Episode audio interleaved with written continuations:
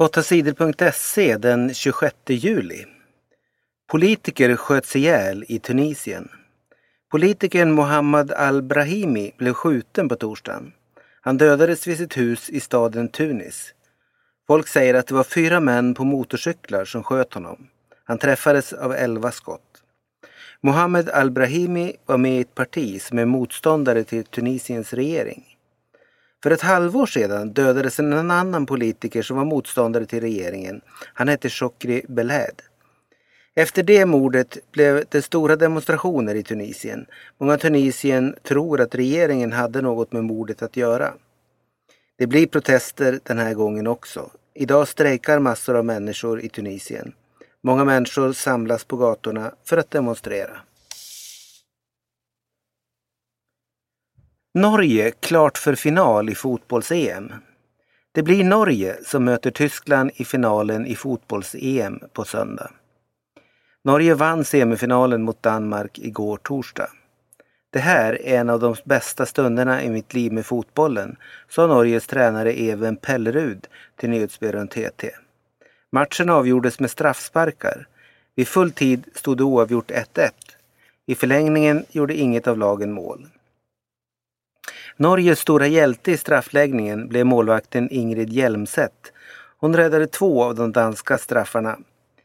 Trine Rönning satte Norges avgörande straff i mål. Norge vann matchen med 5-3. Den norska publiken på läktarna jublade och landets statsminister Jens Stoltenberg gratulerade på sajten Twitter. Vilken målvakt, vilket lag, grattis, nu går vi för guld, skrev statsministern. Finalen i fotbolls-EM spelas på Friends Arena i Stockholm på söndag. Matchen börjar klockan 16.00. Matchen sänds i TV4. Meraf Bata får inte bli svensk. Löparen Meraf Bata vill bli svensk medborgare. Då skulle hon kunna tävla för Sverige i VM i Ryssland i augusti. Men Migrationsverket har nu sagt nej. Meraf Bata har bott för kort tid i Sverige. Reglerna säger att man ska ha bott i Sverige i fem år för att bli svensk medborgare. Meraf Bata har bara bott i Sverige i fyra och ett halvt år. Friidrottsförbundet hoppades att Meraf Bata skulle bli godkänd ändå. Men Migrationsverket sa alltså nej. Meraf Bata kommer från början från landet Eritrea i Afrika. Hon springer 1500 meter. Spanien sörjer de som dog i tågolyckan. Minst 80 människor dog i tågolyckan i Spanien på onsdagskvällen. Flera hundra skadades. En del av dem är mycket svårt skadade, säger läkarna. Det spanska tågföretaget Renfe säger att det inte var något fel på tåget. Troligen var det den höga farten som gjorde att tåget gled av rälsen och välte.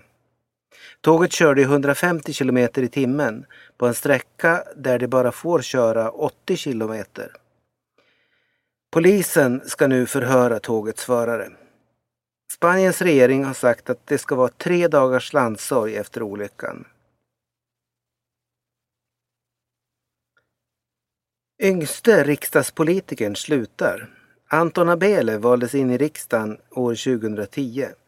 Då var han 18 år gammal. Han blev Sveriges yngste riksdagspolitiker genom tiderna. Men nu ska Abele sluta i riksdagen. Han ställer inte upp i valet nästa gång. Det berättade han i sitt sommarprogram på torsdagen. Anton Abele sa att han inte tycker att riksdagen arbetar på ett bra sätt. Anton Abele sitter i riksdagen för partiet Moderaterna.